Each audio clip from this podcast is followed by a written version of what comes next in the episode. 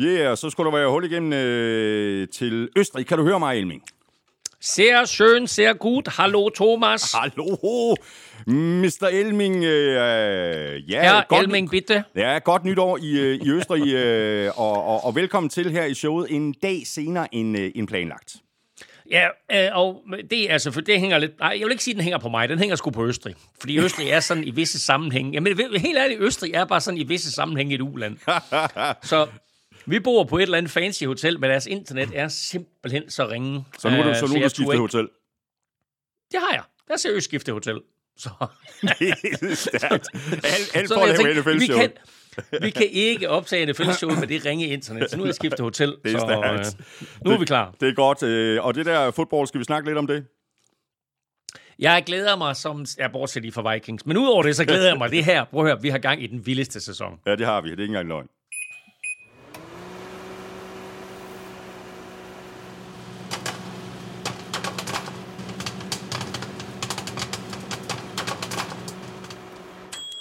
Hot og øh, godt nytår. 23 er blevet til øh, 24, og her er vi så igen. Du lytter til nfl der er optaget live on tape, og er produceret af Quarto Media i samarbejde med Tafel.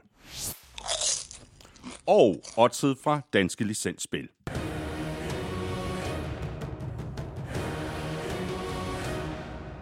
Husk, at man skal være minimum 18 år og spille med omtanke. Har du brug for hjælp til spilafhængighed, så kontakt Spillemyndighedens hjælpelinje Stop Spillet eller udlugter via Rufus. Regler og vilkår gælder. Og så har vi også Hello Fresh med os igen, og det betyder altså, at øh, du med det samme her i det nye år får endnu en mulighed for at blive øh, kunde hos Hello Fresh, hvis du da ikke allerede er det. Og som øh, ny kunde, der kan du altså spare en hulens masse penge, og det kan du, hvis du bruger vores kode HFNFL på hellofresh.dk. Helt op til 1.199 kroner på dine fem første måltidskasser. 1.199 kroner, det er alligevel en pæn chat. Mere om Hello Fresh senere her i udsendelsen, hvor vi selvfølgelig går alle kampene fra en crazy 17. spillerunde igennem, og når vi er sådan nogenlunde halvvejs gennem kampene, så skal vi som altid have trukket lod om en øh, kasse med taffelchips i ugens spillere, og bagefter der trækker vi lod om et øh, gavekort på 500 kroner til Fanzone blandt alle, der støtter os på tier.dk. Tak til alle, der støtter. Tak for de seneste anmeldelser i øh, Apple Podcast og Spotify, og tak fordi du med os og downloader og lytter. Du ved, hvor du finder os. Det er alle de sædvanlige steder, og derudover så kan du som altid også lytte på Danmarks største og bedste fodboldsite, gulklud.dk, og selvfølgelig også på nflshowet.dk. Jeg hedder Thomas Kvartrup, og her kommer helt officielt min medvært.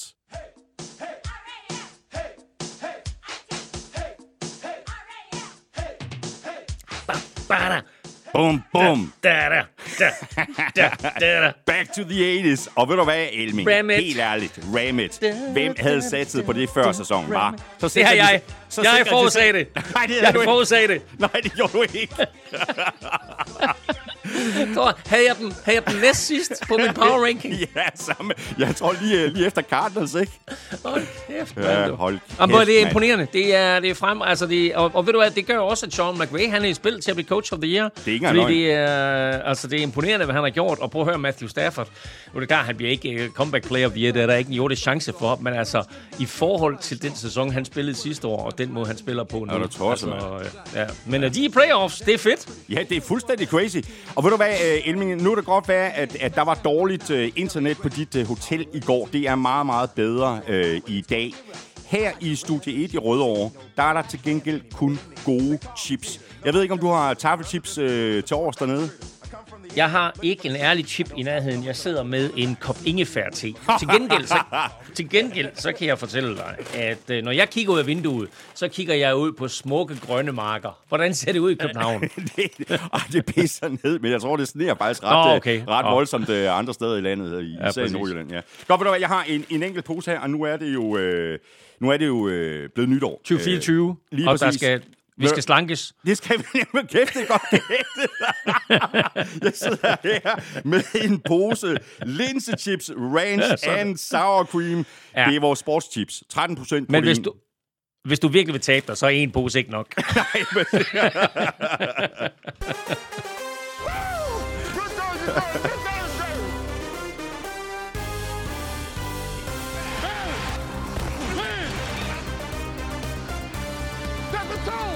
Ravens har sikret sig første side i AFC, og i NFC er det 49ers, der sidder på toppen. De to hold kan nu se frem til et par uger uden stress. Anderledes ser det ud for mange andre hold, der stadig har masser at kæmpe for.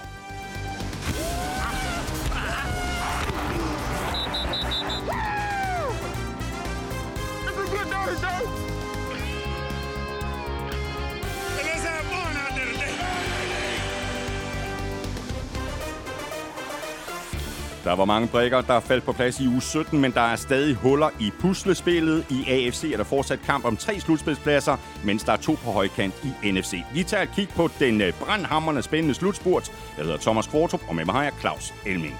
Give me one now,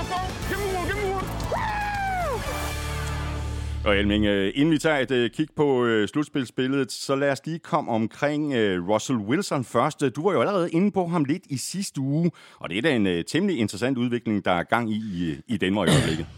Ja, det er helt vildt faktisk. Øhm, altså kort fortalt, så øh, har, er de åbenbart kommet til ham og har sagt, hey, øh, der er nogle klausuler i din kontrakt, øh, som vi gerne vil have, du laver om på, blandt andet en, en, en skadesklausul. Og det nægter han selvfølgelig øh, og havde sin agent med indover, og havde Spillerforeningen med indover. Og så bliver der også nævnt sådan en tredje enhed, der er med indover, som jeg ikke lige har styr på, hvem er. Øh, men det hele ender med, at han siger nej, og, øh, og Broncos efterfølgende siger, fint, så bænker vi dig. Øh, så selvom Broncos havde chancen for at spille sig videre i, playoffs, øh, så bænker de Russell Wilson og startede i stedet for Jared Stidham, mm. øh, som så ender med at vinde kampen godt nok. Øh, og så er forlyden så nu, at Russell Wilson han øh, kommer til at blive kottet. Det kommer altså to år efter, at han blev hentet ind for en kæmpe handel, og han fik små 250 millioner dollars, øh, som selvfølgelig ikke alle sammen er garanteret, men der er en sum på omkring en, en 80-90 millioner dollars, der er garanteret, og, øh, og dem skal, dem skal Broncos betale, og mm. de kommer også til at influere på deres lønloft, og der kan de så gøre et af to, enten tage hele skraldet med det samme, eller som der forlyder, øh, få det delt ud over øh, to år. Men, øh, og man kan sige, en ting er, der, der spiller i, i Broncos favør, det er, at lønloftet kommer til at stige ganske betragteligt. Ja. Så på den måde, der er kontrakten ikke så vild, som den var, da den blev underskrevet for to år siden. Men altså, hvad der helt præcist er sket, det er jo ikke, altså det, det, det, det, det forstår jeg ikke. For, altså, de er bange for, at han bliver skadet og de hænger på en løn, hvis det er sådan, at de har tænkt sig at korte ham. Mm. Øh, og det er derfor, at det er sådan, at de bænker ham. Nu skal de ikke risikere noget, de ved, at han er rask, øh, og så kan de korte ham, uden at det er sådan, at der kommer nogle repressalier i form af, at, at hans agent eller en eller anden øh, lægestab kommer og siger, at han er faktisk skadet, så I skylder alle de her penge. Ja, ja præcis. Øh, så øh, det, det, det er meget sparet, og, og, og dermed så får vi jo en, en Russell Wilson øh, på det frie marked igen, mm. øh, formodentlig til marts. Ja, det gør vi. Øh, skal vi lige tage en, en hurtig øh, overordnet tur på, på 17. spillerunde? Nu kommer vi jo til at tale øh, i, i detaljer om alle kampene senere. Men altså endnu en, en vild øh, øh runde, øh, et æg, tætte kampe igen mm. igen, og også et par kontroversielle afgørelser, ikke mindst den i kampen mellem Cowboys og Lions. Ja, den kan vi vende tilbage til, men jeg vil først og fremmest lige sige, at øh, der skete noget bemærkelsesværdigt i spil u 17, nemlig, øh, man kan kalde det for, for fuld plade, hvad angår lange scoringer, fordi det her, det var første gang i NFL's 104-årige historie, at der var et, et, et offensivt touchdown, et defensivt touchdown, et kickoff return touchdown og et punt return touchdown i samme spilleuge på over 90 yards. Øhm, C.D. Lamb mm. lavede øh, årets længste scoring med sin 92 yarder der øh, på det der fantastiske spil, netop i kampen mellem, øh, mellem Cowboys og Lions. Øh, Eagles Sidney Brown returnerede en interception, 99 yards. Øh, Patriots Jalen Rager returnerede et punt, øh, eller undskyld, et kickoff return, ja. 98 yards. Øh, og så var der uh, Giants Gunnar Olszewski, som havde det der fuldstændig vanvittige 94 yard øh, punt return touchdown. Øh, og derudover var der altså andre store spil. Men det er første gang nogensinde, at alle fire øh, scoringer har været i samme spil uge øh, på over 90 yards. Mm. En anden ting, jeg lige vil fremhæve, det er Lions og Browns. Fordi det her, det er første gang siden 1953, altså 70 år siden, 71 er vi jo nu, fordi nu er vi 24, øh, at både Browns og Lions har øh, et tocifret antal sejre. Og sidste gang de begge to havde et tocifret antal sejre, der mødtes de i NFL-mesterskabet. Det var jo før Super Bowl, så det hed The NFL Championship Game. Og der vandt Lions 17-16 over Browns. Jeg siger bare, det kan godt ske ja, ja, det kan godt ske igen. Men øh, lad os bare lige... Øh, Tag et kig på slutspillet. En spillerunde tilbage, og, og, og, og selvom der altså, som jeg også sagde lige før, at, at der var flere brikker, der faldt på plads i uge 17, så er der altså fortsat en del ubesvarede spørgsmål tilbage, fuldstændig ligesom NFL øh, gerne vil have det. Lad os lige tage øh, AFC først. De første fire seeds er selvfølgelig de fire hold, der fører deres øh, divisioner. Ravens er etter med 13-3. De er sikre på slutspil, og de er sikre på første seedet. Dolphins er toer med 11 5. De er sikre på slutspil. Chiefs er treer med 10 og 6. De er også sikre. Jaguars er 4 med 9 og 7. Deres slutspilsplads er ikke på plads endnu. Browns er 5 med 11 og 5, og de er sikre. Bills er 6 med 10 og 6. De er, også, nej, de er ikke sikre. Og Colts de er 7 med øh, 9 og 7, og de er heller ikke sikre. Og lige udenfor, og altså stadig med en øh, chance, der har vi Texans og Steelers, og de er begge 9 og 7. Og derfor så får vi en fuldstændig vanvittig afgørelse i, i AFC. og selvfølgelig bliver det hele afgjort, og det er jo, øh, det er jo rigtig, rigtig fedt. Øh, søndag nat, når, når Bills og Dolphins de mødes, der er der altså mange klubber, der sidder og kigger med, fordi øh, alt afhængig af, om det bliver Bills eller Dolphins, der vinder, så er der altså andre klubber, der kan komme i slutspillet. Ja. Vi har også den situation, og det gælder jo øvrigt for begge konferencer, at AFC South og NFC South, der er der stadigvæk tre hold, der kan vinde divisionen. Ja. Øh, det mindes jeg altså ikke, øh, at, at vi har haft et, et tilsvarende scenarie i, i mange, mange år. Og jeg mener, jeg synes også, at vi her i de senere år har haft utrolig meget på plads inden øh, 18. spillerunde. Men i den her øh, sæson, der er der altså 20 ud af NFL's 32 mandskaber, der stadigvæk har noget ja, at spille for. Det er fuldstændig vildt. Så tager vi uh, øh, NFC, uh, øh, og de uh, første fire seeds er selvfølgelig igen de fire hold, uh, der lige nu fører deres øh, uh, divisioner. 49ers, de er etter med 12 og 4. De er sikre på slutspil, og de har altså sikret sig første seedet, fuldstændig ligesom uh, Ravens har i uh, AFC. Cowboys er toer med 11 og 5. De er sikre. Lions er treer med 11 og 5 også. De er også sikre. Buccaneers, de fire med 8 og 8. De er ikke sikre på slutspil endnu. Eagles er 5'er med 11 og 5. De er sikre. Rams er 6'er med 9 og 7. De er også sikre. Packers er 7'er med 8 og 8. Og lige udenfor, og stadig med en chance, der har vi altså Seahawks øh, også med 8 og 8, ligesom Packers. Saints er også 8 og 8. Vikings er 7 og 9, og det er Falcons også. Ja, og Falcons eneste chance øh, for at, at ryge slutspillet, er at vinde samtidig med, at Buccaneers de taber til Panthers. Øh, og der er jo et hav af forskellige scenarier, men kort fortalt, så øh, kan Bucks og Packers, som ligger der i top 7, så kan de selv afgøre, om de skal i slutspillet med en sejr. Præcis. Elming, øh, før vi skal quiz, øh, skal vi lige runde den her del af med at øh, notere, at nu er der spillet semifinaler i, i college. Ja, og øh, det blev to vanvittigt fede kampe, øh, og øh, det bliver også øh, uden øh, de her to normalt store kanoner, Alabama og Georgia. Georgia kom jo ikke engang i top 4, men Alabama tabte deres semifinale til Michigan. Michigan har jo Jim Harbaugh som mm. head coach, og øh, der er jo noget at snakke om, at, at han måske, øh, så snart college-sæsonen her den er forbi, øh, så er han øh, ude af døren, og så tager han det første fly til Los Angeles og bliver ny head coach for Chargers. Men øh, hans, hans hold Michigan øh, slog Alabama i overtime med 27-20, og den anden kamp, var også super tæt. Washington Huskies øh, spillede sig i finalen med en øh, sejr over Texas Longhorns med 37-31, og dermed så er vi i en situation, at begge hold, der står i finalen, er ubesejret øh, i sæsonen, når vi får altså en vild fed finale, som bliver spillet på mandag. Øh, og fordi 1. januar i år jo faldt på en mandag, øh, som er heldig i de her college bowls, så var det også derfor, at der i spil u 17 i NFL ikke var nogen mandagskampe, men man i stedet for øh, lagde det her program med, med, med lørdagskampe og søndagskampe. Så, øh, så der tog man altså lige hensyn til, at der trods alt er nogle traditioner i college football, som, som overskygger NFL. Vi skal have quizzen! Åh. Oh. Det er tid til quiz, quiz, quiz, quiz, quiz. Nå, Elming, hvad har du øh, fundet frem til mig nede i Østrig? Jamen, øh, nu skal du høre. Hermann Meyer vandt OL i styrtløb i... øh, nå, Josh Allen øh, er den femte quarterback i Super bowl der har løbet et touchdown ind i fem kampe i træk. Øh, Justin Fields har gjort det, øh, faktisk seks i 2022. Kyler Murray har gjort det øh, fem i 2020, og Cam Newton øh, har gjort det øh, fem gange, det var i 2021. Øh, men hvem er den øh, eneste anden, der har gjort det, som faktisk har gjort det i år? Hvilken anden quarterback har løbet et touchdown ind fem kampe i træk, og det er vel at mærke i år. Fem kampe i træk. Ved du hvad, det er ikke engang for sjov. Du får den her. Can't do it. Sådan der, men altså, jeg kan selvfølgelig komme med nogle bud.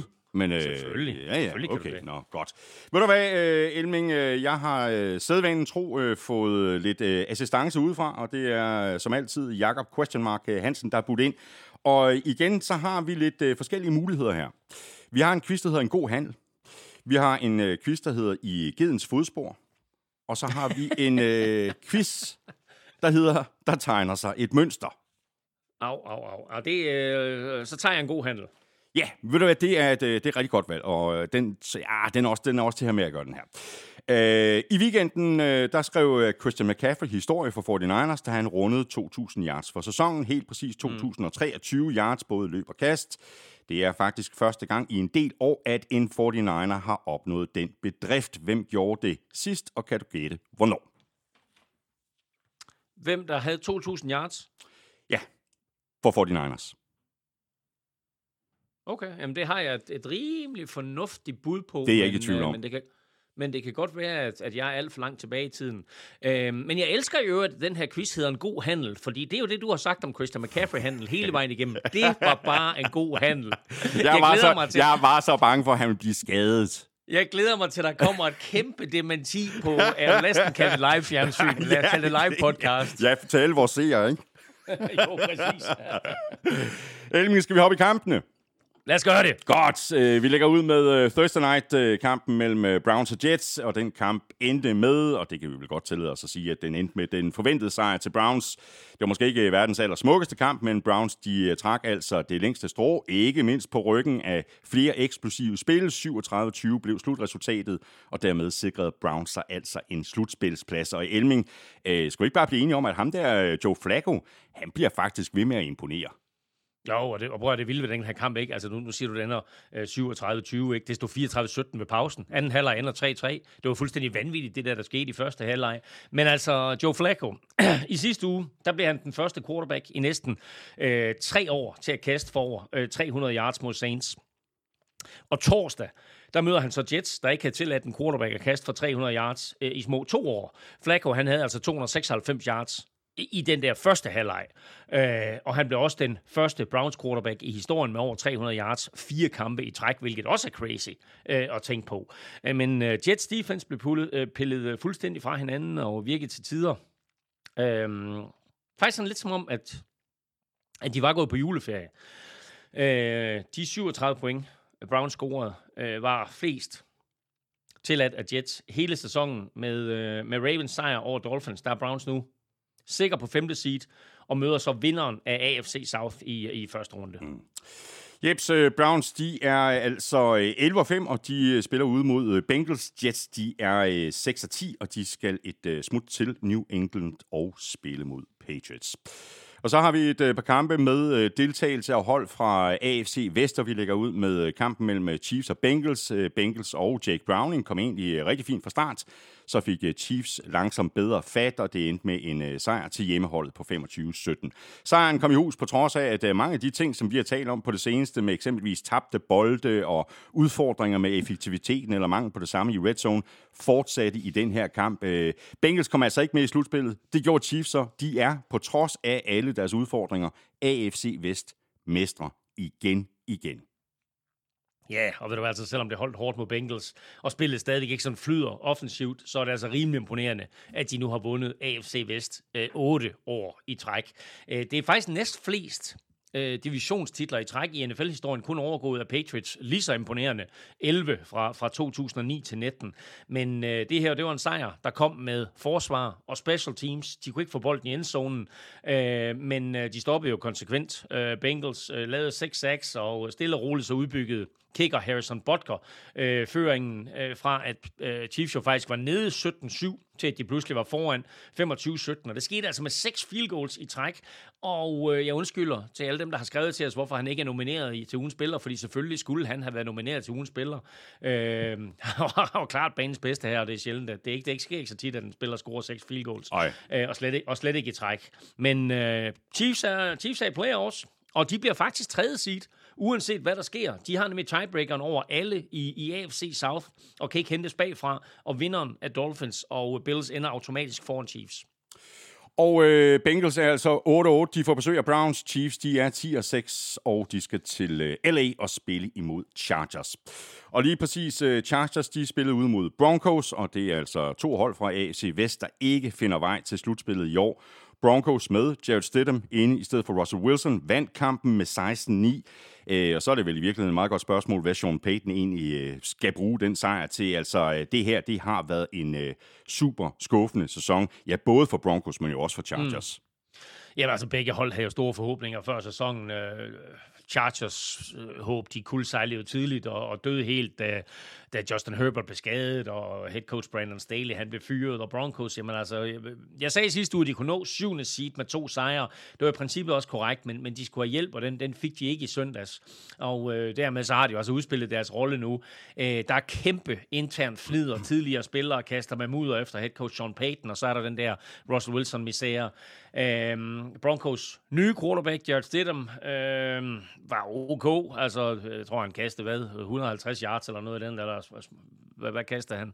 Det var ikke, det var ikke fordi, det var voldsomt i hvert fald, men, men altså, de, de, fik, de fik en sejr, og vigtigst af alt, så undgik han jo turnovers, men øh, de kommer altså ikke med i, i, i playoffs, Broncos. Nej. Chargers, de er 5 og 11. De spiller hjemme mod Chiefs. Broncos er 8 og 8, og de skal til øh, Las Vegas og spille mod Raiders. Og Raiders er en, øh, en del af en øh, lille glidende overgang fra AFC Vest til AFC South. Raiders, de spillede nemlig ude mod Colts, og vi gik jo begge to med Raiders i sidste uge, da vi skulle lave vores picks -elming. Det var en, en, en svær kamp at vurdere på forhånd. Altså begge hold har været temmelig svingende i deres præstationer, og kampen var dybest set en, en slutspilskamp for begge hold. Med en sejr, så var der stadigvæk håb, men med et øh, nederlag, not so much, og det endte altså med en, en sejr til Colts på 23-20. Men kan vi ikke bare blive enige om, øh, at, at Colts, de, de er ikke helt til at blive kloge på, er de? Nej, den ene uge, der ligner de en katastrofe, og den næste, der spiller de drømmefodbold.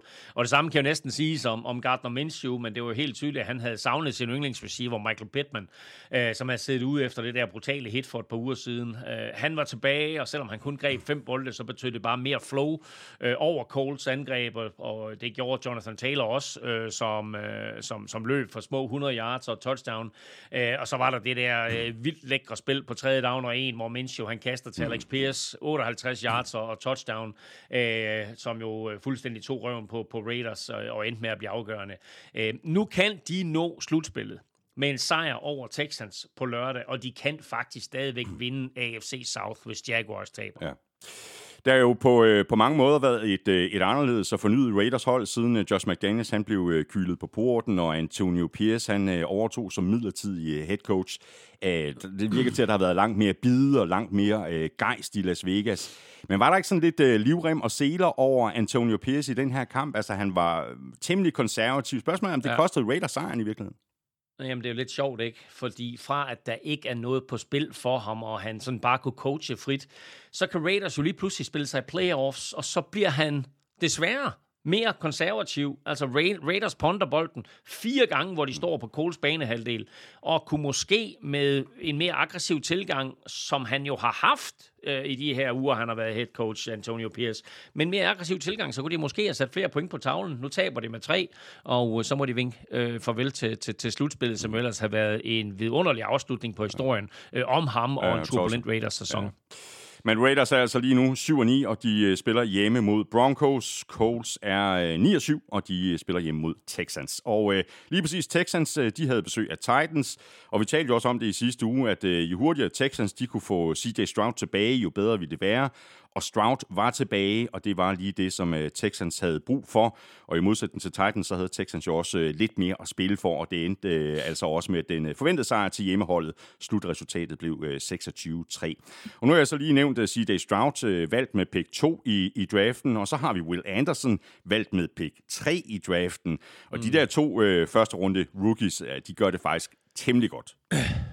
Ja, det gør de. Altså prøv at tænke tilbage på draften, ikke, hvor de havde pick 2 og 2 Stroud, og så trader op øh, overraskende, ikke? Fordi der var, der var spørgsmål om, du ved, hvad gør man med Will Anderson? Hvor, hvor højt tager man ham? Og så ryger der quarterbacks 1 og 2, og så trader Texans op og tager Will Anderson. Der er mange, der siger, au, au, au, det er alt for dyrt og sådan noget, ikke? Men hold kæft, hvor har de været gode, øh, begge to. De er jo tilbage begge to fra skader her, og når de er på banen, så gør de bare Texans øh, til, til et bedre hold. Øh, forsvaret sat tonen hele vejen igennem kampen. Will Anderson lavede 2-6, øh, Sheldon Rankings øh, scorede touchdown på en fumble return, og alt i alt tillod Texans øh, kun Titans at få 187 yards. Øh, færrest tilladt i fem år af Texans, wow. siger også noget omkring, ja. øh, hvor, hvor, hvor godt spillende de er på forsvaret. Øh, CJ Stroud var også tilbage, og det betød jo så, som, som vi har talt om også, at så kom der jo pludselig gang i angrebet igen, og scoringen ikke mindst, øh, og også løbeangrebet øh, bliver jo løftet af hans tilstedeværelse. Ja, og øh, de 9 og 7 nu, Og de, øh, altså det er en win, det er en, det er en win eller forsvind kamp mod, mod Colts på lørdag. Mm. Vinderen går i slutspillet. Og fuldstændig ligesom Colts, så kan de altså også vinde uh, AFC South, hvis Jaguars taber. Og det vil bare være helt vildt, ikke? Med en rookie head coach og en rookie quarterback. Ja. Nu er øh, Titans øh, 5 og 11. Øh, den her sæson har ikke ligefrem været nogen øh, succes. Øh, der er rigeligt at se til i offseason, fordi øh, uanset om det er Will Levis, der er inde som quarterback, eller om det er Ryan Tannehill, så er det altså tydeligt, at der skal ske øh, et eller andet med den offensive linje. Den trænger til noget af en opgradering. Mm. Jamen, prøver, det er jo ikke mere end to-tre år siden, at, at Titans havde den måske bedste linje i NFL. Og, og du jo rent faktisk kendt alle fem spillere, ikke? Altså holdets anonyme helte, men der havde du altså fem spillere på den der offensive linje, som man bare kunne sige, wow, det er gode spillere alle ja. sammen. Nu er det sådan, fem relativt ukendte navne, måske lige bortset fra første pick, øh, Peter Skoronski, men ellers så er resten jo no-names eller, eller spillere fundet i skraldespanden hos andre hold. Og uh, i søndags, der tillod de uh, 6 sacks. Uh, Derrick Henry kunne ikke finde huller, og angrebet de konverterede en ud af 12 tredje downs til første downs. Så hvis... Uh, hvis angrebet skal finde noget mojo øh, til næste år, uanset om det bliver Will Levis eller Ryan Tannehill, eller hvem ved, måske en rookie quarterback, øh, så er det nemt at se, hvor der skal opgraderes, og ja. det er den offensive linje. Ja, præcis. Texans er altså 9 og 7, og de spiller den her knald- eller faldkamp ude mod uh, Colts. Titans de er 5 og 11, og de får besøg af Jaguars. Og Jaguars de har set uh, noget svingende ud på det seneste. Faktisk uh, har det været noget op og ned, siden de kom tilbage fra deres fri uge tilbage i uge 10. Før kampen her i 17. spillerunde, der var det blevet til fire nederlag i træk, og en øh, slutspilsplads var faktisk så småt begyndt at se øh, lidt mere tvivlsom ud. Så er det godt at få besøg af Panthers, øh, og de blev sendt mm. retur til øh, Carolina med et øh, æg i bagagen. 26-0 sluttede den kamp, og det øh, på trods af, at Jaguars altså var uden Trevor Lawrence, men no Trevor, no problem. ja, de startede CJ Beathard på, på quarterback, og det er åbenbart sådan i, i NFL, at øh, når man får en quarterback skadet, så starter man tidligere på den Niners quarterback. øh, men, men det var ikke fordi, at han var vanvittig god, men, øh, men det var der heller ikke behov for på, på en aften, hvor Jaguars forsvar var helt forrygende. Øh, de uddelte det ikke, som du siger, de lavede 6-6. To af dem kom faktisk fra sidste års første pick, altså pick 1, uh, øh, Trayvon Walker, som jo så lavede de her sacks på, på ja, nu, nu skal vi jo tænke os om, nu er vi i 2024, så det var faktisk forrige års første pick, Trayvon Walker, der lavede to sacks på sidste års pick 1, uh, øh, Bryce Young. Og så havde den falske Josh Allen jo faktisk 3 sacks, så han nu er på 14,5 i sæsonen, og hvilket er en ny Jaguars-rekord. Mm. Uh, og Travis Etienne uh, og løbeangrebet kom i gang igen. Han scorede to gange, og så havde han faktisk også karrierens længste løb uh, med en uh, 62 yarder. Det her, det var øh, endnu en, en hård runde for, for Panthers, endnu en hård kamp for Bryce Young. Øh, vi har jo talt om det mange gange efterhånden, at han altså godt kunne bruge lidt mere hjælp, den gode Young, øh, og må ikke også, at han får det her i, i offseason, det håber jeg. Øh, her nu, altså endnu et nederlag, men øh, Elming, hvis man skal tage ja-hatten på, så, så er det jo, det er jo dejligt øh, med et nederlag, altså for Bears. ja. ja, det må man sige, fordi øh, øh, for Bears, der er traden for øh, pick 1 øh, sidste år, som, som Panthers jo brugte på Bryce Young, der er den trade, det er jo gaven, der bare bliver ved med at give. Øh, det er nu stensikkert, at Panthers ender sidst i årets NFL, og dermed får første pick i draften. Men det pick tilhører jo Bears, så lige nu øh, sidder Panthers ude i første runde øh, af draften, og... Øh, de har så øh, til gengæld første pick i både anden runde, tredje runde og fjerde runde, men altså, de har behov for en talentindsprøjtning både på linjen og på receiver, øh, hvis de skal gøre livet nemmere for Bryce Young, og frustrationerne over et æg og alt det, der sker i organisationen, og det faktum, at at de kunne have haft det her første runde pick. Øh, det fik jo så også ejer David Tepper ja, til fra sin luksusboks at kaste et, et, et, et, et, et glas vand eller sodavand eller whatever det var ud af vinduet. Jeg ved ikke om frustration, men det rammer i hvert fald nogle tilskuere, ja. og NFL og Panthers har ikke rigtig kommenteret på det nu, men, men det var godt nok en pinlig situation. Ja, meget. Jaguars er 9-7, og de spiller altså ud mod Titans. Panthers de er øh, 2-14, og de får besøg af Buccaneers. Og så kan vi øh, slutte den her del af med et øh, par kampe, der havde betydning for første seedet i AFC. Og jeg skal da ellers lige love for, at øh, Ravens ikke gad, at øh, der skulle være tvivl om det. Lamar, han spillede lights out endnu en gang. Ravens, de hamrede point på tavlen igen igen. Og den her gang, der gik det altså ud over Dolphins 56-19 Elming. 56-19, jo i virkeligheden en fuldstændig vanvittig nedslagning. Det er helt vildt. Altså, og præcis en uge efter, at de knuser 49ers på udebanen, så øh, laver de en magtdemonstration her. Øh, altså, øh, kampen var jo lige til at starte med, og derfra så smasker de bare løs, både offensivt og defensivt. Øhm, I sidste uge, der ligger Lamar Jackson sig jo med den sejr over for Niners, der ligger han sig jo i spidsen i MVP-kapløbet. Ja. Den her sejr og den her måde, det foregik på, den sikrer ham øh, titlen som årets MVP for anden gang i karrieren. Uden tvivl. Øh, statistisk spiller han jo en af sine bedste kampe nogensinde. Han kaster for 321 yards øh, med færre missede kast end touchdowns. Tre incompletions og fem touchdowns.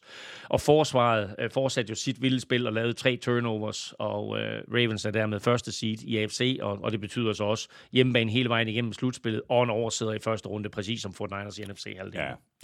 Og så endnu en gang har vi øh, fat i et, i et hold her, som øh, måske er sådan lidt øh, svært at blive kloge på, og her tænker jeg selvfølgelig på Dolphins. Altså, det meste, det har jo været flot og, og sjovt at se på i løbet af den her mm. sæson, og så har der altså lige været et par udfald undervejs, så her fik de altså stry øh, i virkeligheden på, øh, på samme niveau, som de selv har givet andre hold ja, tæv. præcis. Øhm, altså, Dolphins, Dolphins fik, fik solen under Cowboys i, i forrige uge. Her stoppede festen så, og, og her må vi jo bare sige, at deres øh, turnovers altså også øh, havde en stor del af skylden for det her, og gjorde rigtig ondt. Ja, det var det. Altså, det. Det var med til at afgøre kampen, fordi Ravens for det første stoppede Dolphins, og for det andet fik point ud af det. Øh, men øh, læg der til også store spil på special teams, og så gik det jo fra en, en tæt kamp til en kæmpe sæk. Øh, og ud over resultatet, så gjorde kampen jo også ondt på Dolphins på andre fronter. Øh, altså, de kan ikke blive første seed længere. Øh, og de skal jo vinde over Buffalo for at holde fast i både AFC East og anden seed, og det kan jo blive svært nok, fordi de mistede Bradley Chop for sæsonen med en korsbåndsskade. Husk på, at de tidligere på sæsonen mistede Jalen Phillips, så deres to bedste pass rusher er ude resten af året. Og så udgik Tua Tagovailoa også med en skulderskade. Angiveligt ikke øh, alvorligt, men det er trods alt en smule bekymrende. Ja. Ravens er 13 og 3, og de spiller hjemme mod Steelers. Dolphins de er 11 og 5, og de spiller hjemme mod Bills. Og øh, Bills, de er den øh, ene halvdel af den øh, sidste kamp, vi skal tale om, inden vi skal i øh, ugen spiller have trukket lod om øh, både det ene og det andet. Bills, de spillede nemlig hjemme mod Patriots. Øh, og der øh, har jo ikke været så forfærdeligt meget at diskutere. Bills har i øh, over en måned været i en situation, hvor de nærmest har skulle betragte hver eneste kamp som en slutspilskamp. Øh, ellers kunne de øh, glemme alt om at komme med i slutspillet. Og her blev det altså til endnu en sejr. Den fjerde i træk, 27-21 på hjemmebane. Og med den sejr, så kan Bills faktisk stadigvæk godt nå at blive andet seed i AFC. Ja, ved du hvad, det kræver ikke engang så meget. De skal bare vinde. Øh, så nemt er det. Og det har de jo gjort i en hel del uger i træk nu. Prøv at tænke på, at de er 6 og 6. Ja. Og vi sad og tænkte, hold kæft, man misser Bills øh, playoffs, ikke? Øh, de havde kniven for struben. Nu er de 10 og 6. De har vundet fire kampe i træk, mm. og kan med en femte sejr i træk sikre sig anden seed, og dermed jo altså mindst øh, to hjemmekampe i playoffs, hvis de vel at mærke øh, vinder øh, wildcard-kampen. Øh, men hvis de taber, og det er her, det bliver vildt, hvis de taber, så kan de jo risikere at misse slutspillet, hvis både Jaguars og Steelers vinder. Men det ved Bills jo også, når de går på banen, i og med, at det er grundspillets kamp 272, og dermed den aller sidste. Så de ved, hvad der kræves. Mm. De ved til gengæld også, at har Steelers øh, eller Jaguars øh, ikke vundet begge to, så er de i slutspillet uanset hvad. Men det kunne bare være lidt sjovt, hvis, hvis der er noget for alvor pres der ja, på Bills. Ikke? Ja. Øh, og NFL ved godt, at det her, det er topkampen ja, i sidste spillerunde. Så øh, Dolphins og Bills øh, er jo desværre for de danske seere sat til, øh, til 0-2-15. Men for bare lige at rise op, Dolphins 100% sikker på at komme i slutspillet. Hvis de vinder når anden seed, taber de femte seed, Bills ikke sikker på at komme i slutspillet. Vinder de anden seed, taber de, så er det helt åbent. altså, det er drømmen for NFL, det der, ikke? Øhm, I forhold til den her kamp, øh, Elming øh, og Patriots, øh, så kom de jo egentlig øh, rigtig godt for land i den her kamp. Der er mange ting på defensiven, der vi også talt masser om masser af gange, øh, der mm, ser godt mm. ud. Problemerne på angrebet, ikke mindst på quarterback, øh, det er altså ikke nogle problemer, der bare sådan lige går væk. Øh, så altså, fin start i den her kamp, så gik det ellers galt. Jalen Rager, åbnede kampen med det der 98-yard kick-off return, som jeg talte om i, i toppen af udsendelsen. Øh, og, så, og så var Patriots foran 7-0, og så tænkte man, nå, jamen det kunne da godt gå hen og blive lidt interessant det her. Men derfra, der var der ingenting, der fungerede. Der var intet at råbe hurra for. Bailey Zappi kollapsede og kastede tre interceptions, inklusiv en uh, pick 6 i første halvleg, som gjorde, at Bills de var gået fra 0-7 til foran 20-7. Uh, og hvis helt ærligt, nu nævner du selv forsvaret, ikke? Altså, hvis Sabi havde spillet bare en kende bedre, så havde Patriots faktisk haft en chance for at overraske, fordi det der forsvar, det var bare igen øh, solidt. Øh, nu går vi en, en spændende tid i møde for Patriots. Øh, hvad sker der med Belichick? Hvad sker der på quarterback-pladsen? Hvad gør de i draften? Øh, alt sammen dejlige spørgsmål, som, øh, som vi ikke får besvaret før om, om et stykke tid. Bills er øh, 10 og 6, og de skal et øh, smut sydpå, altså for at spille mod Dolphins. Patriots de 4 og 12, og de får besøg af Jets. Det var det. Det var den øh, første halvdel af kampen, og det betyder, at vi nu er fremme ved ugens spiller, og dermed er det blevet tid til at få trukket en øh, heldig vinder af en øh, kæmpe kasse med taffelchips.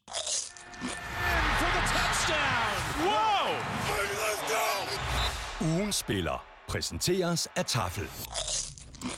Og øh, hvis du har sendt dit øh, bud ind på mailsnablag.nflshow.dk, jamen øh, så har du altså chancen, når vi trækker lod lige om lidt. Øh, I øh, mandags der nominerede vi følgende fire spillere.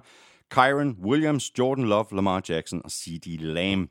Nedefra der fik uh, Kyron Williams 4% af stemmerne, C.D. Lamb fik 16%, Jordan Love fik 21%, og Lamar Jackson blev altså den øh, overbevisende vinder med hele 59% af stemmerne.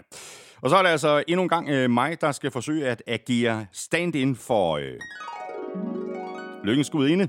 Det er jo dig, Elming, det ved alle godt. Ved du, jeg hiver lige lappen ned i øh, sækken her, trækker en øh, sæd op, og der er blevet øh, stemt på CD Lam, og vi skal et øh, smut nord for København.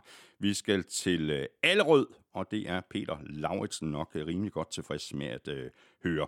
Tillykke med det, øh, Peter Lauritsen. Jeg sender dit øh, navn og adresse videre til øh, Tafel lidt senere i dag, og så klarer Frederikke, a.k.a. Snackwebben, resten og sørger for, at du modtager din øh, gevinst inden alt for længe. Og vi gør det igen næste uge. Det er bare om at øh, følge med på vores øh, forskellige Somi-kanaler, hvor vi lægger nomineringerne op om mandagen, og så kan du altså stemme på din favorit på mailsnablag.nflsød.dk. Du skriver dit bud i emnelinjen, og i selve mailen skriver du dit navn og adresse. Så er vi fremme ved øh, lodtrækning øh, nummer to, og her er det jo øh, alle, der støtter os med et valgfrit beløb på tier.dk, der har chancen. Og her er gevinsten et gavekort på 500 kroner til fanzone.store. Skal jeg fat i sæk nummer to. Og der er heldigvis også en masse sædler i den. Og hiver en enkelt sædel op her, og det er jo en mailadresse. Og vi har fat i M. M.L. Nielsen, og så nogle øh, tal. M.L. Nielsen, øh, stort tillykke med det. Kæmpe stort tak for støtten på øh, tier.dk. Både til dig og til alle andre, der støtter, uanset beløbets størrelse, uanset hvor længe der er blevet støttet. Og M.L. Nielsen, øh, du får en øh, mail lidt senere i dag med en øh, gavekortskode på 500 kroner til Fanzone. Og vi øh, trækker lod igen næste uge. Alle, der støtter os på øh, tier.dk eller via det link, der ligger øverst på nflsød.dk, har chancen. Hver femmer, du støtter os med, giver dig et lod i lodtrækningen. Så er vi tilbage i kampene, og det er vi med øh, lidt øh, fokus på øh, NFC South her til en øh, start, og vi lægger ud med øh, Bears, der vandt med 37-17 over Falcons. Og Bears er øh, jo ikke i spil til en slutspilsplads, så jeg synes næsten, at det mest interessante her, det er Elming, hvad de stiller op i Chicago her i offseason. Og her tænker jeg selvfølgelig ikke mindst på Justin Fields, som spillede en rigtig flot kamp, mm. og i virkeligheden lagde endnu en billet ind på, at han skal fortsætte som starter også til næste år. Og under alle omstændigheder, så ser det ud til, at Matt Eberflus, han fortsætter som head coach. Ja, og, og, og helt ærligt, det, det er fair nok, fordi han har virkelig fået vendt op og ned på det her hold, men øh, det er jo desværre øh, lidt for sent, fordi jeg, jeg er næsten tilbøjelig til at sige, at var de med i slutspillet, så tror jeg ikke, der er mange, der har lyst til at møde dem lige nu. Øh, deres forsvar er super giftigt, og angrebet begynder at vise tænder. Øh, Justin Fields havde jo en tæt på perfekt første halvleg, hvor han ramte på, på 13 ud af 17 kast for 166 yards, og, og Bears var foran 21-7 øh, ved pausen i en kamp, som faktisk var ret vigtig for Falcons. Ikke? Mm. Øh, og anden halvleg overtager Khalil Herbert øh, showet og løb for, for, for 92 yards efter pausen. Øh, DJ Moore havde endnu en vild kamp. Øh, en spiller, som indgik i den her Bryce Young trade også. ikke. Mm. Altså, vi kan roligt konkludere, at, at Bears var de store vinder i den trade. Øh, ni grebne bolde for DJ Moore, 159 yards og touchdown. Så alt i alt kan Bears fans jo ære os over, at det ikke blev til mere, men øh, jo til gengæld se frem til, øh, til 2024, hvor de jo som nævnt også har det der pick 1 i draften. Øh, og hvad gør de med det? Øh, trader de det? Eller vælger de en quarterback? Mm. Øh, tilskuerne sad øh, på Soldier Field i øh, søndags og råbte, We want Fields. Yeah. We want Fields. Præcis. Så der var i hvert fald en tillidserklæring fra, mm. fra fansene til ham der. Det her, det var jo ikke øh, Falcons bedste kamp i år. Øh, de kom hurtigt bagud. Øh, Bears, de scorede øh, tre touchdowns på deres første fire angrebsserier, så øh, forsvaret var jo ikke noget at råbe hurra for, altså Falcons forsvar. Det var angrebet så til gengæld heller ikke. Øh, det var nærmest så ineffektivt, som det overhovedet kan blive. Taylor Heineke, han kom ned på jorden efter sin øh, flotte kamp i forrige uge. Han kastede tre interceptions, blev så afløst af Desmond Ritter, der så kom ind og kvitterede for tilliden ved selv at kaste en interception. Jamen altså, det er jo rent kaos på den der quarterback-position, ikke? Jeg kan ikke mindes, at jeg har set så meget rotation på quarterback mellem to spillere, som vi har set med Heineke og Ritter i år. Øh, ja, det skulle da lige være Mac Jones og, og Bailey Zappi. Ja. Men altså, det her, det var, det var en katastrofal indsats hele vejen rundt af Falcons. Øh, de her to uh, quarterbacks, de kaster til sammen fire interceptions. Deres forsvar, som ellers har været ganske fornuftigt, kunne ikke stoppe løbet. Nej, og, øh, og din søster, øh, Young Ho Koo, øh, missede to field goals, men... Øh, som er skitseret i toppen. Det vilde af det hele er jo, at, at Falcons stadig har en chance for at vinde NFC South. Det kræver øh, kun, kan man sige, en sejr over Saints, og så lidt hjælp for Panthers mod Buccaneers, som selvfølgelig er, straks er, er, er lidt sværere. Ikke? Ja. Men altså, det kunne da være... Det kunne da være, være, være sjovt, hvis Panthers de lige nakkede Buccaneers, og så se, hvad der skete der. Fordi så er, så er Falcons og Saints også en vind- eller forsvind kamp. Ja, det er det. Bears er altså 7-9. De spiller ude mod Packers. Øh, Falcons er 7-9, og som du lige øh, sagde, så spiller de altså mod Saints, og det gør de i øh, New Orleans. Og Saints, de var i aktion på øh, udebane mod Buccaneers, der jo i den grad har vist gode takter på det seneste. Ikke mindst har Baker Mayfield spillet ja, lights out de seneste par ugers tid, men Saints forsvar gjorde tingene vanskelige for både Mayfield og receiverne, og fik i øvrigt også lukket helt ned for løbespillet. Og det resulterede altså i en vigtig sejr til Saints på 23-13, og dermed holder de liv i deres slutspilsdrømme. 8 og 8, mm. fuldstændig ligesom Buccaneers. Jamen, der er mange ting at holde styr på der i, uh, i NFC South efter den her kamp, men det korte og lange det er, at Bucks selv kan afgøre det med en sejr over Panthers på søndag. Uh, taber de, så er det jo pludselig den her Falcons-Saints-kamp, som bliver en vind- eller forsvind-kamp. Men Saints kan faktisk også godt få et wildcard øh, hvis de vinder over Falcons. Det kræver så lidt hjælp fra nogle, fra nogle, nogle andre kampe og sådan noget. Men, øh, men vild kamp her. Ikke mindst af Saints forsvar, der har holdt Baker Mayfield til under 100 yards i de første tre quarters. Og øh, resultatet 23-13 siger altså, det siger slet ikke noget om, hvor totalt dominerende Saints var i den her kamp. Altså, de flyttede øh, og havde det ikke inden for rækkevidde jo, øh, før Box de lige fik reduceret der til sidst med, med to touchdowns. Og så var udskældet Derek Carr i øvrigt forrygende i den her kamp og kastede blandt andet to lækre touchdowns til tight end Juwan Johnson, som havde en, en stor kamp. Så du det der catch, han lavede Juwan Johnson ind over midten, hvor han slog salto nærmest, da han greb den. Nej, helt, det, helt, helt. Det, nej, det missede jeg. Nej, jeg ved, jeg ved det godt, jeg ved det godt. Det er også bare, jeg tror, at måske det kom på de sociale medier eller et eller andet. Okay. Kæft, et, et vanvittigt catch. Nå, øhm, til gengæld, og det er knap så godt, så fik de Alvin Kamara skadet. Og hvis det er alvorligt, så er det jo lidt af en katastrofe. Men, øh, og det var jo på en af de her, øh, igen de her hip-drop-taklinger, som ja. hun ikke øh, NFL kigger på dem mm. øh, i offseason. Jo. Det her, det var øh, selvfølgelig ikke lige det, som de havde håbet på i, i Tampa, altså med det her nederlag, men øh, det kunne vel være værre, altså set med øh, slutspilsbriller. Altså, det er jo ikke det sværeste matchup, bokser tilbage. De spiller mod øh, Panthers. Og hvis, altså, helt ærligt, hvis de ikke kan vinde den kamp, så har de i hvert fald ikke noget som helst at gøre i slutspillet. Nej, den skal de selvfølgelig vinde. Men, øh, men Panthers har et godt forsvar, så, øh, så kan de gøre, hvad senest de gjorde her, så har de da chancen for at levere den store overraskelse. Øh, Boks angreb, øh, der er jo her den seneste måneds tid har været varmere end nybagt brød med, med, med Baker ved roret, havde jo, øh, havde jo altså imod seneste, at de havde blot 44 yards i første halvleg, og inden de fik set sig om, så var de jo bagud 20-0, og det kunne de altså ikke rigtig komme tilbage fra. Men øh, hey, alle hold kan have en off-day, og øh, jeg påtager mig lidt af skylden, fordi uh, som det sidste i 2023, der sendte jeg jo lige en Elming curse ned over box. Jeg roste Baker, og jeg roste box offensiv linje, og især sidst nævnte havde det utroligt svært mod, mod Saints defensiv front. The Elming curse is alive. Ja, ja. Box, de er 8-8. Øh, de spiller ude mod Panthers. Saints, de er også 8-8, og de får besøg af Falcons. Så har vi de øh, næste tre kampe, der alle havde øh, indvirkning på wildcard-ræset i øh, uh, NFC. Vi lægger ud med Giants-Rams. Uh, der var jo ikke så forfærdeligt meget at rafle om. Uh, for Rams, uh, de skulle bruge en sejr på udebane for at stadig have en chance for at komme med i det fine selskab og sejren på 26-25 betød rent faktisk, at Rams nu er sikre på slutspillet, sådan som vi også talte om i, i begyndelsen af u, øh, udsendelsen. Og det er de altså på trods af, at øh, det her nok ikke var Matthew Staffords øh, mest øh, overbevisende indsats i år. Han har ellers øh, spillet øh, fremragende, og jeg var nærmest øh, fejlfrit i uvis. Jamen altså, Rams havde ikke været i slutspillet, hvis det ikke havde været for Stafford. men lige her, der var han ikke specielt skarp. Han kastede to interceptions, men så er det godt, at man har sådan en, uh, en bowlingkugle af en running back, fordi uh, Kyron Williams har været en kæmpe åbenbaring i sæsonen, og uh, er den bedste running back, Sean McVay har haft siden, uh, uh, hvad hedder han?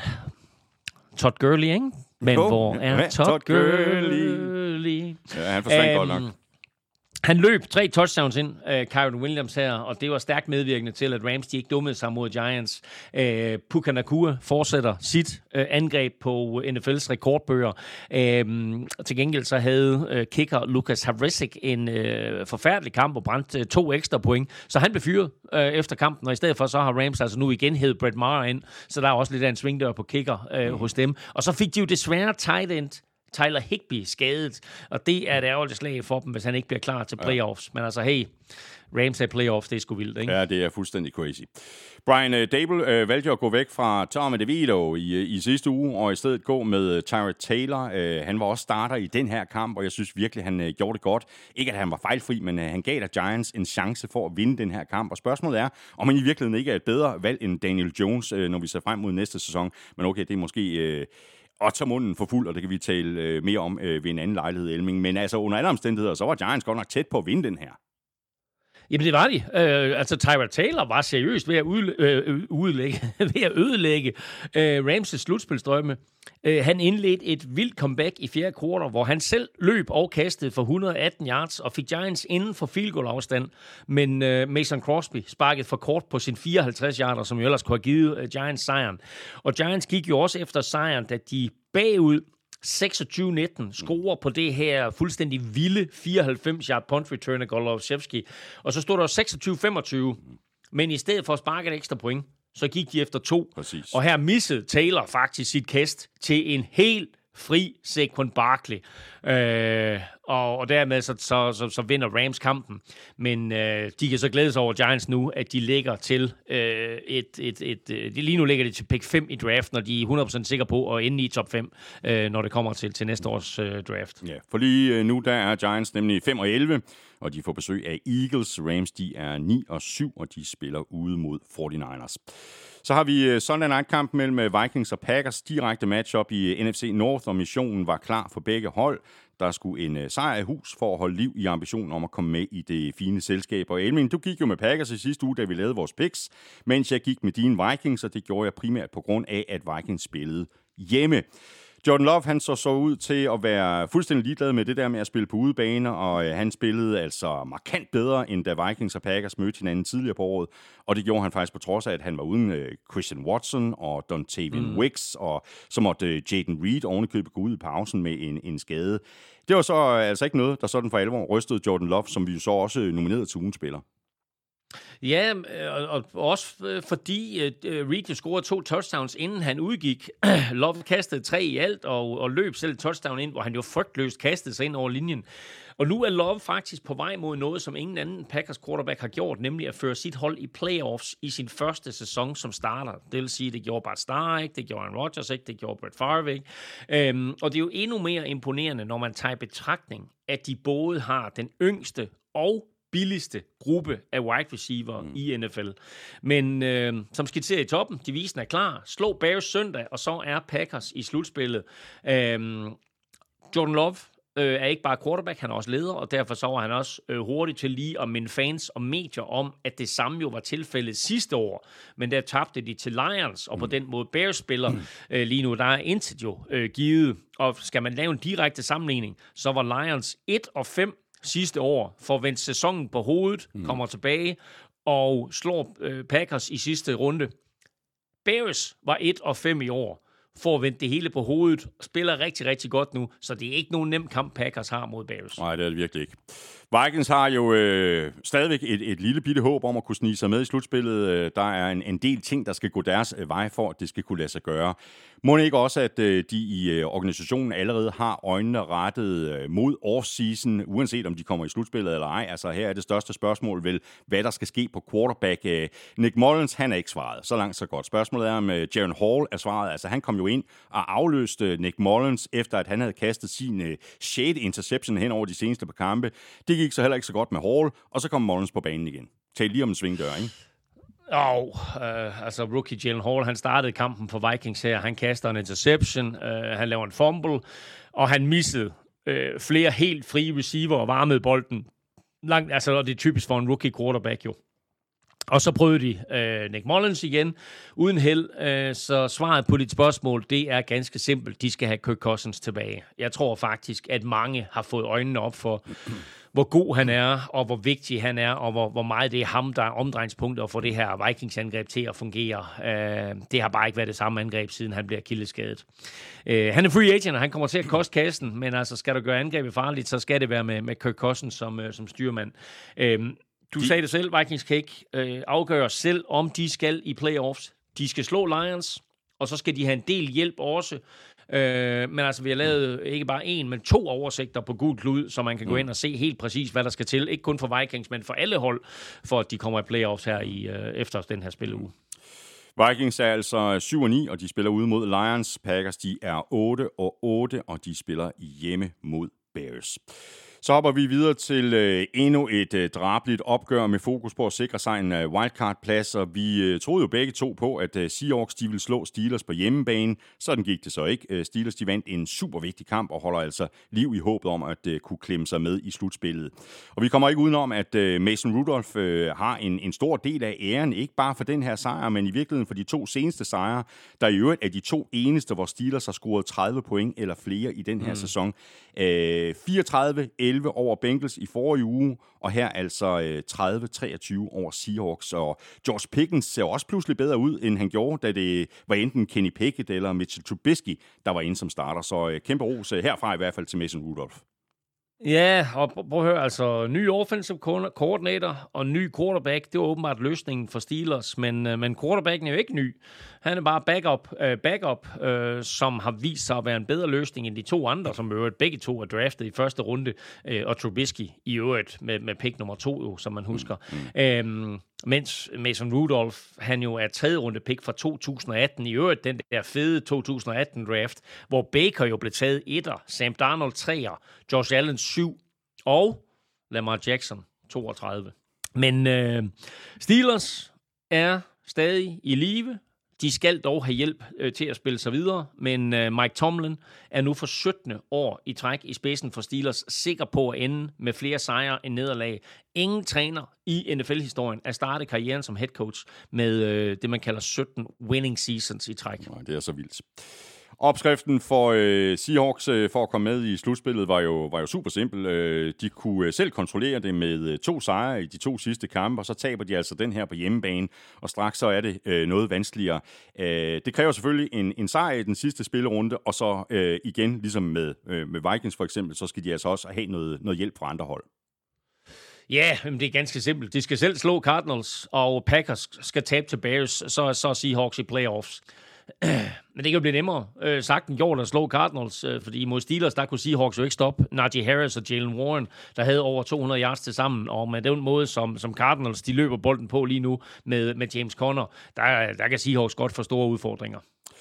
Seahawks, de er altså 8-8, de spiller ude mod Cardinals. Steelers er 9-7, og de spiller ude mod Ravens. Og der skal man jo lige huske på, ikke, at Ravens jo ikke har noget at spille for. Nej, det er det. Steelers Steelers kan og skal vinde, samtidig med, at enten Bills eller Jaguars taber, og så er de i slutspillet. Ja, der er flere kampe, når vi kommer frem til vores picks, hvor det lige præcis er, er en del af de ting, som vi skal sidde og overveje, når vi vælger vores, øh, vores kampe, om, om holdene de har noget at spille for eller ej. Så øh, mangler vi øh, tre øh, kampe, og de tre kampe havde alle potentielt i hvert fald indflydelse på første seedet i NFC, og vi lægger ud med øh, kampen fra i lørdags, kampen mellem Cowboys og Lions. Og det var jo et af de der matchups, som øh, vi virkelig havde set frem til, og kampen skuffede så mildt sagt heller ikke, især ikke de sidste minutter. Cowboys de vandt med 2019. Hallo for en, en fuldstændig vanvittig afslutning. Altså, Dan Campbell og Lions gik efter sejren, efter de havde reduceret til 2019, i stedet for bare at sparke et, et, et udlignende field goal, og så få kampen i overtime. Og Elming, jeg, jeg, jeg kan faktisk godt forstå, hvis der er en enkelt Lions-fan eller to, der sidder tilbage og føler sig lidt snydt her, at det var en meget mærkelig og også temmelig øh, kontroversiel afslutning, ikke? Ja, og faktisk så kontroversiel, så NFL i går udsendte en meddelelse til alle 32 klubber, hvor de forklarede reglerne. Og det er meget usædvanligt, at, øh, at de gør det så sent i sæsonen. Der kommer tit øh, sådan i løbet af sæsonen nogle, nogle øh, opklarende øh, eller opfølgninger, kan man sige, på nogle kald. Øh, og her, øh, der havde de faktisk meldt ud, at, at nu kom der ikke flere i år. Men der var så stor kontrovers omkring det her, at, at NFL var nødt til at komme med en redegørelse.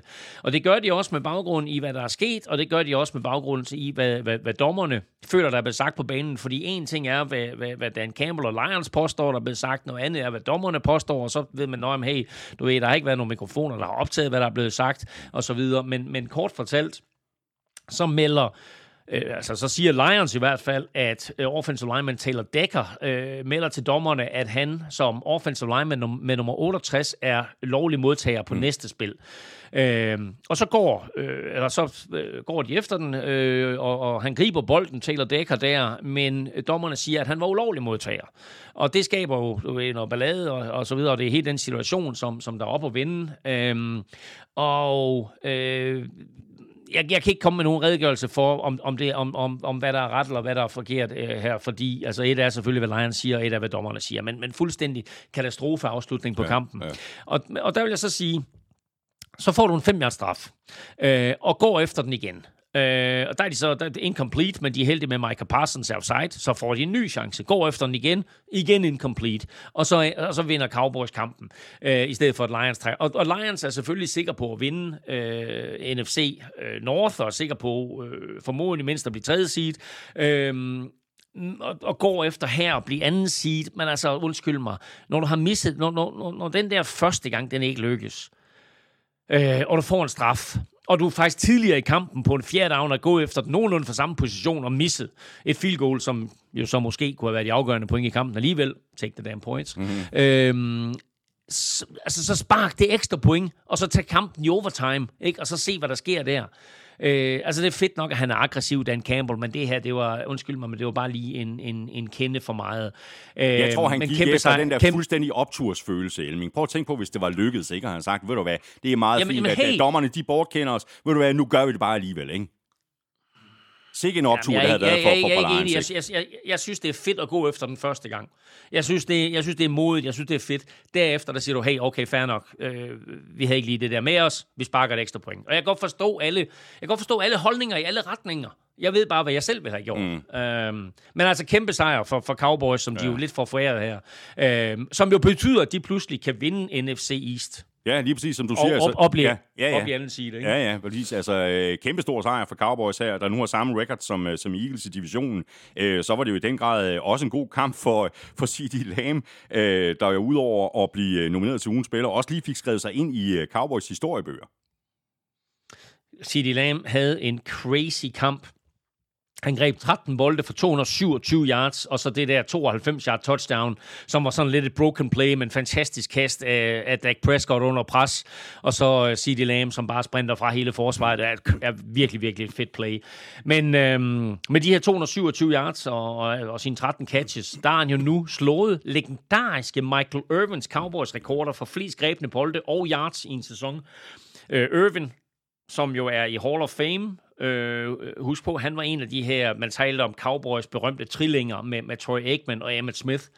Øh, Irvin, han greb 111 bolde for 1603 yards i 1995. Der skulle gå 28 år før, at en spiller slog dem, og det bliver altså Lam. Han er nu på 122 grebne bolde og 1651 yards. Men det, jeg godt kan lide, det er, at han gjorde det på 16 kampe, ja, altså det samme antal, exactly. som Irvin havde uh, til rådighed.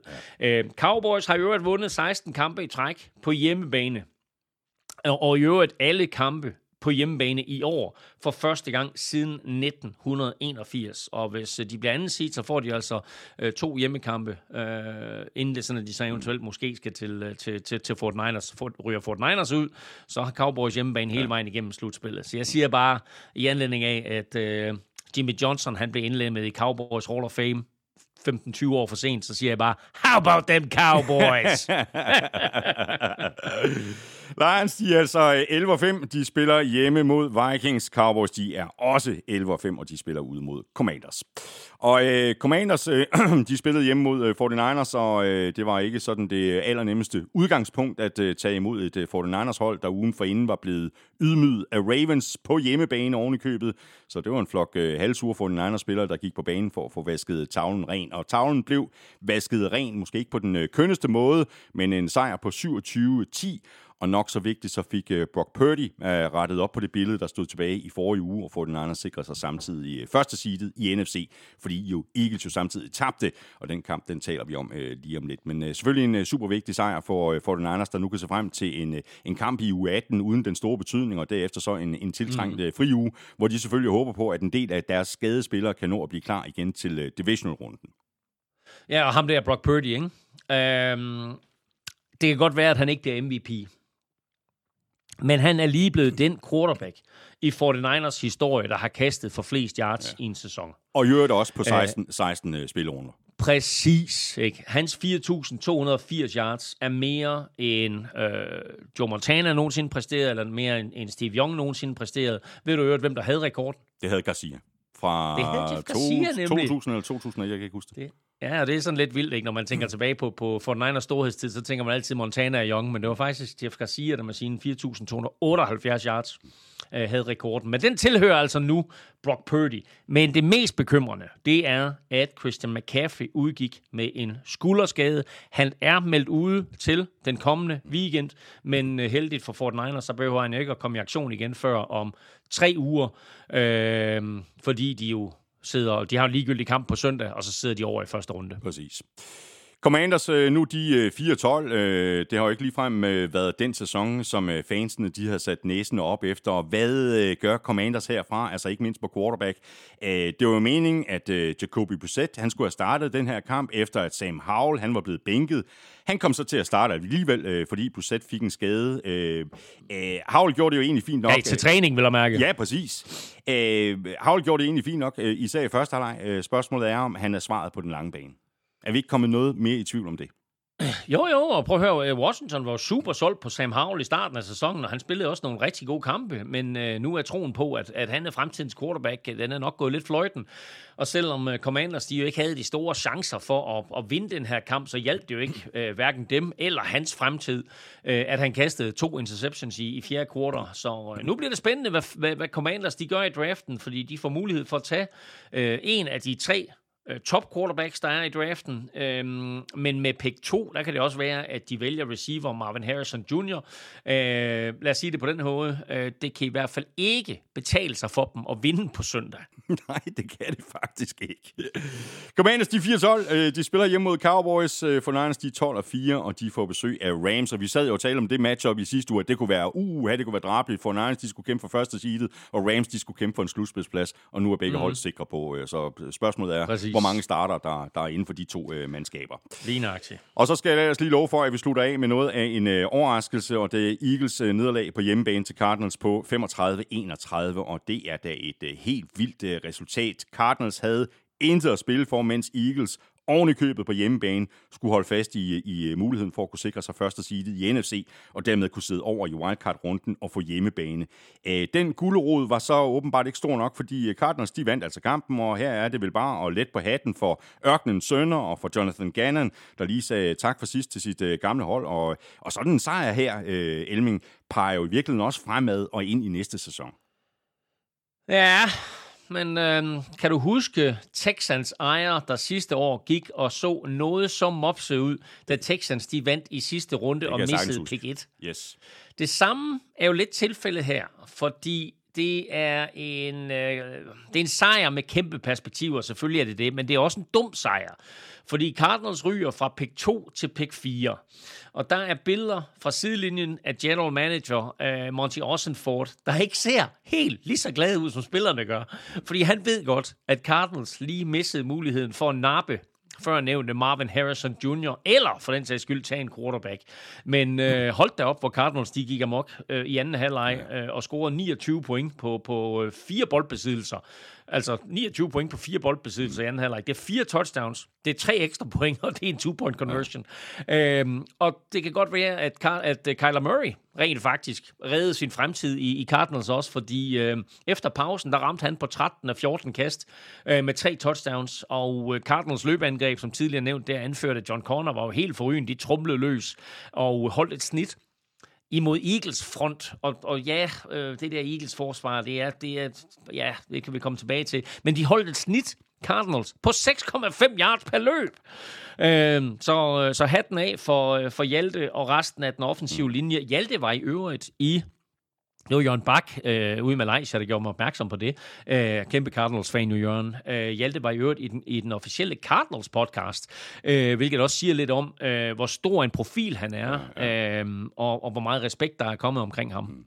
Og nu skal man også bare huske på, øh, Elming, og vi taler jo om det mange gange, det her med, at øh, spillerne, altså når man taler om hold, og det kan betale sig at tanke og tabe kampe osv., ja, det kan godt være, at ejeren og, og, og nogen i organisationen, de står på siden og ser sådan lidt, øh, lidt øh, mugne ud over en, en mm. sejr, men spillerne, de spiller jo også for sig selv. For eksempel Kyler Murray, der spiller for sin egen karriere, ikke? Jo, altså, you play to win the game. Præcis. Ikke? Altså, øh, man, man går aldrig ud for at tænke, og selvfølgelig, altså, jeg har da aldrig, jeg har da aldrig sådan, gået ind til noget som helst med en forudsætning om, at altså, nu skal jeg tabe, fordi det, det giver mig et eller andet på den lange bane. Man, man går altid ind for at, at vinde kampen. Og det gjorde Cardinals også her, og det var bare en vild sejr, og det var et vildt comeback, og det var en fed kamp. Du får lige den her. You play to win the game. Jeg fandt den lige på bordet. Ja, tak. ja, præcis. Noget andet, vi har talt om et hav af gange, Elming, øh, det er noget, som jeg godt vil tale om øh, i, igen. Altså, i, i begyndelsen af sæsonen, hvor Eagles stort set vandt det hele, der var vi jo ikke sådan specielt imponeret over deres spil på banen. Vi var imponeret over alle sejrene, men ikke så meget spillet. Nu har Eagles så lige tabt fire ud af deres seneste fem kampe. Det er altså ja. ikke øh, sådan noget specielt øh, overbevisende afsæt her, øh, mindre end to uger inden, at øh, slutspillet går i gang. Nej, og de er det første hold i NFL-historien, der åbner en sæson 10 og 1, og så taber fire de næste fem. Øh, og det betyder også, at de gik fra et muligt første seed til pludselig at være wildcard-hold og, og skabe på udebane i første runde.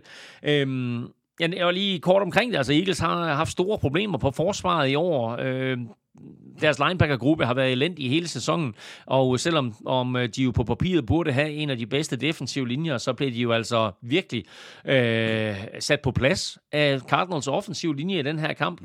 Øhm, Eagles har jo også set sig nødsaget til, øh, altså Nick Sirianni, head coach, der har været nødsat, øh, set sig nødsaget til at overlade ansvaret for forsvaret til Matt Patricia. Øhm, og har jo på en eller anden måde, hvis man kan gøre det med en træner, bænket Sean Desai. Mm. Øh, men, øh, men søndag var måske øh, Eagles øh, dårligste kamp rent forsvarsmæssigt hele året. Altså, de kunne ikke stoppe Cardinals forsvar, eller angreb, som inden opgøret her var arrangeret som nummer 26 ud af NFL's 32 hold. Og forsvaret fremtvang ikke et eneste punt i hele kampen, og tillod for et Eagles-mandskab vanvittige 449 yards. Wow. Og vi kan jo bare sige, at årets helt store NFC øh, favorit inden sæsonen på ingen måde virker skræmmende lige nu. Nej, Eagles øh, er øh, 11 og 5, og de ligner altså ikke sig selv i forhold til øh, sidste år. De spiller deres øh, sidste kamp ude mod Giants. Cardinals er 4 og 12, og de spiller hjemme mod Seahawks. Det var det. Så kom vi igennem øh, uge 17. Lige om lidt, der ser vi frem mod 18. og øh, sidste spillerunde, når vi skal have lavet vores øh, picks. Vi skal også omkring øh, quizzerne, og vi skal et øh, smut i podcast-køkkenet sammen med Hello Freshman. Først er det dig, Elming, og dit øh, momentometer. Har du øh, ingredienserne klar? Ja, øhm, og øh, det ligger jo sådan, at øh, øh Ravens vandt de i sidste uge, så det gør de fortsat, og så fik 49ers faktisk kæmpe sig tilbage ind i top 3 igen. Og, øh, og nederst, der vil jeg sige, at jeg gjorde det igen, at der var et hold, der tabte, som jeg rykkede lidt op, øh, men jeg var nødt til at sætte Carolina øh, i bunden, fordi at og, øh, slutte sæsonen af her i næste sidste spillerunde med et æg øh, i, på en i forvejen elendig sæson, øh, så hører man altså til i bunden af mit momentometer. Når øh, Elming får øh, skrevet sit øh, momentometer færdigt, så Det kommer er vi til- færdigt, du. Er det, færdigt? Det, Er lig, ja, det ligger op. Er det, er det det ligger op. op? Du er Ja, ja, hurtig, ja, ja. du er Det er hurtig onsdag i dag, jo. Det er onsdag i dag, jo. Det er rigtigt. Ja, det var det, der lige øh, det, var lige det, det der narrede mig. Godt, øh, quizzer og øh, picks øh, lige om lidt. Først der skal vi et øh, smut i øh, podcast-køkkenet. Og det skal vi sammen med vores øh, gode venner fra Hello Fresh, verdens førende leverandør af måltidskasser pakket med friske råvarer, leveret lige til døren og super nemt at gå til. Og øh, Elming, jeg går øh, stærkt ud fra, at du har holdt lidt øh, pause og stadigvæk gør det, mens du har været i øh, Herning og nu i Østrig, men at du har styr på sagerne, så der er legnet op med en øh, kasse Hello Fresh til når du kommer hjem fra skituren. Det kan du tro. På mandag, der står der en stor og fin øh, ny kasse klar til mig. Så ja, jeg tror faktisk, at jeg har ændret min leveringsdato til tirsdag. Så fremover, der får jeg leveret tirsdag. Øh, det passer så perfekt, fordi øh, når, når vi to som regel har lavet NFL-showet, så kommer jeg hjem, så sidder jeg der, og så popper der lige, og så, hvad hedder det, så sidder jeg og ordner momentometer og nogle andre ting og så videre. Og, øh, og så popper der lige en kasse Hello Fresh ind ad døren der, så kan man lige se, nej, der er line op til hele ugen her, ja, så det, det er, så dejligt. smukt. Ja, og nu har vi lige, øh, der er sikkert også andre, der har været, øh, været på ferie, Øh, nu har vi alle sammen været igennem jul og nytår, og vi har spist alt den her mad, som vi plejer at spise øh, på den her tid af, af året. Øh, det er super hyggeligt med traditioner, men så skal der altså også gerne ske lidt noget nyt i januar, og her kan det måske øh, godt være lidt en udfordring at komme tilbage på sporet og få noget sundt og varieret at spise, og her må jeg bare sige, at øh, det er altså ikke helt øh, øh tosset at kunne supplere med, med den her kasse fra HelloFresh.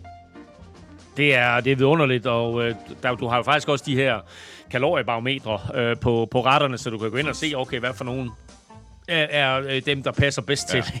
til i januar. ja. Øhm, men altså, vi er oppe på over 30 retter nu.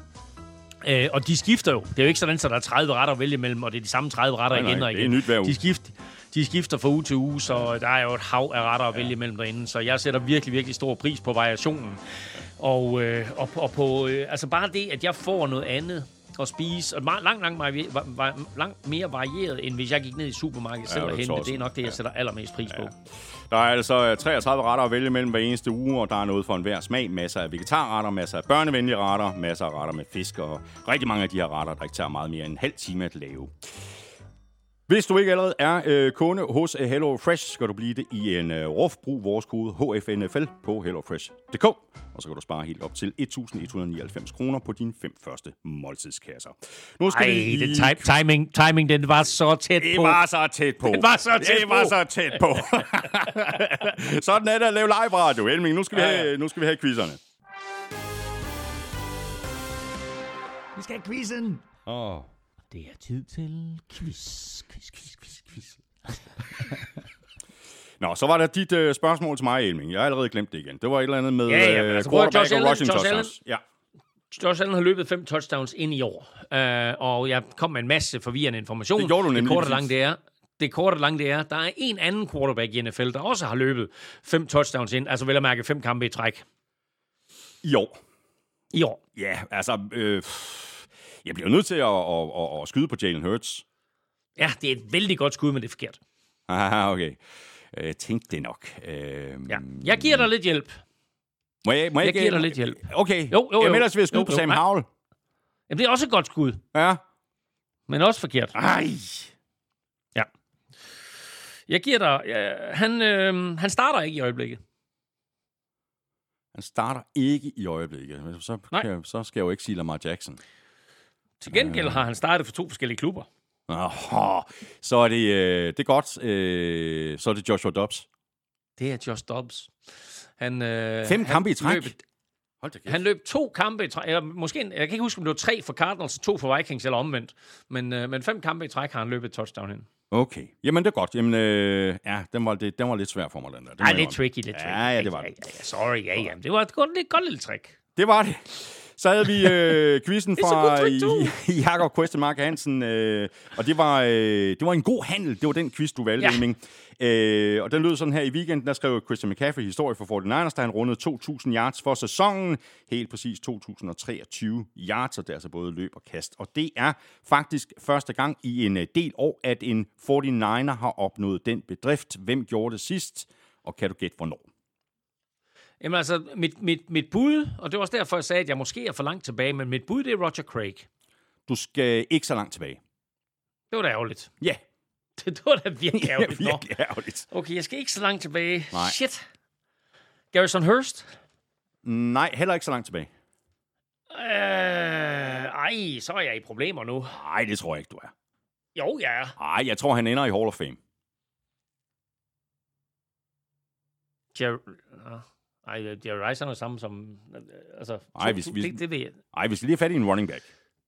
Jeg vil skal have fat i en running back.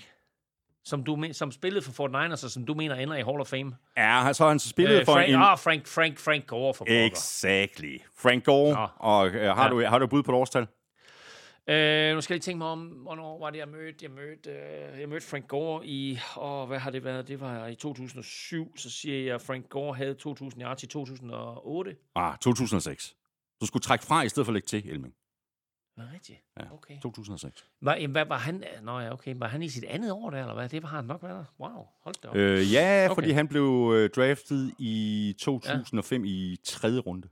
Ja, ja, okay. Nå, wow. Det var det. Godt. Jamen, det var godt. Så skal vi øh, til vores øh, picks her til øh, 18. og sidste spillerunde. Øh, Vi skal lige have en lille status efter uge 17. Den endte 11-10 til mig, hvilket bringer den samlede stilling op på 167-157. Øhm, 18. og sidste spillerunde. Øh, det er altså ikke helt nemt det her, fordi det er altså lidt øh, svært helt at vide, hvad, hvad holdene gør, hvis de er sikre på slutspil, og måske ikke øh, har så forfærdeligt meget at, at, af for. Men øh, vi tager dem altså her i, i rækkefølge, og vi kan lægge ud med øh, de to lørdagskampe. Ravens-Steelers tager vi først.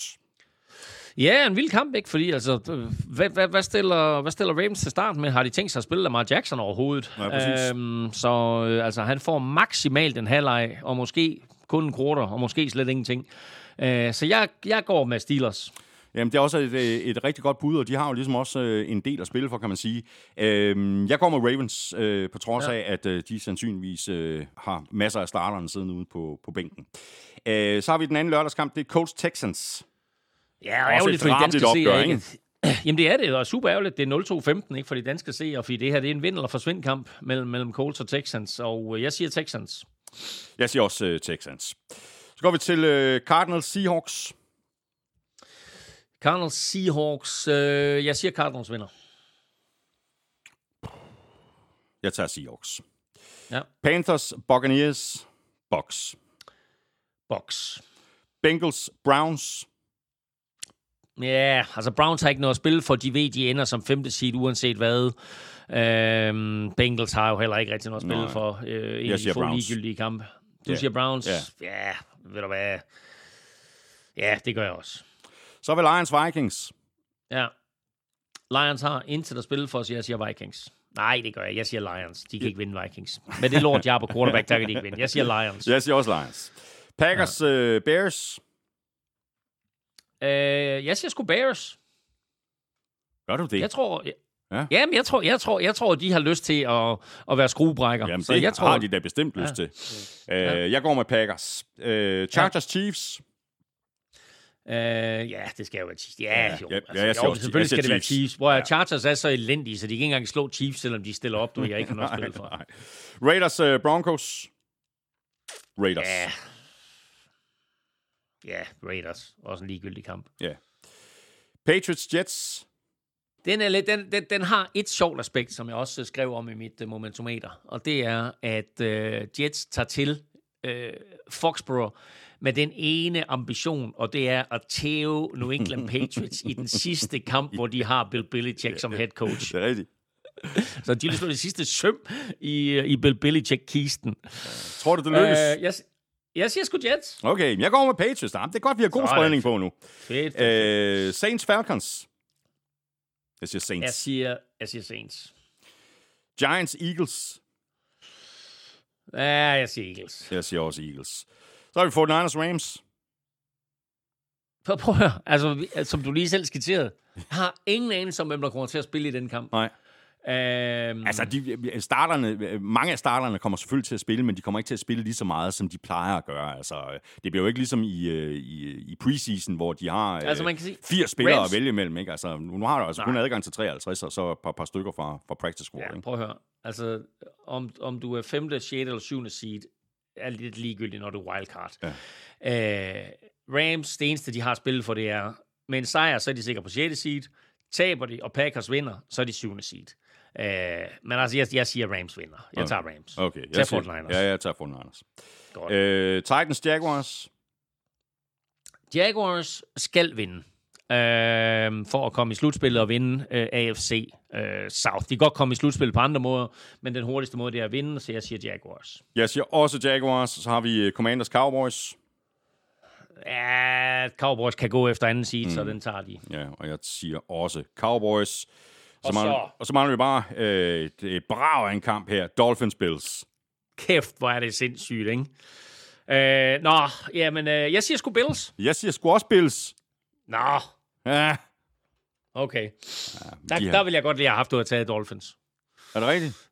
Ja, det ved jeg. Ja, ja. Ja, men jeg tror på, at Bills de vinder. Men, ja, og hvis det sker, så vinder Bills, som sagt tidligere, både AFC East og bliver anden seed. Ja, hvor er det Altså, hvor crazy. Det er kom en lige crazy pludselig fra? Ja, Hvor kom det lige pludselig fra? Ja, vanvittigt.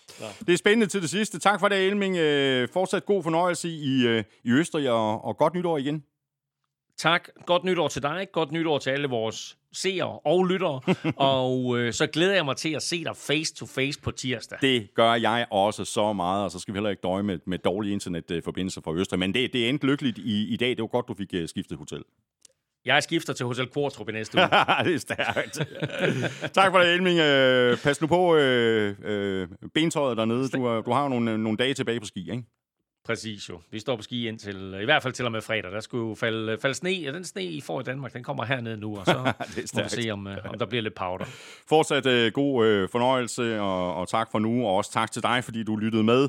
Hvis du øh, synes om det, vi laver, så skulle du tage anbefale os til alle dine venner. Du kan også give os en anmeldelse et af de steder, det er muligt, for eksempel i øh, Apple Podcast eller i Spotify.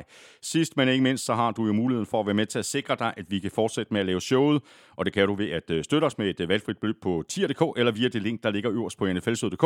Og når du støtter, så giver du jo også lige dig selv chancen for at vinde et øh, gavekort på 500 kroner til fanzone.store.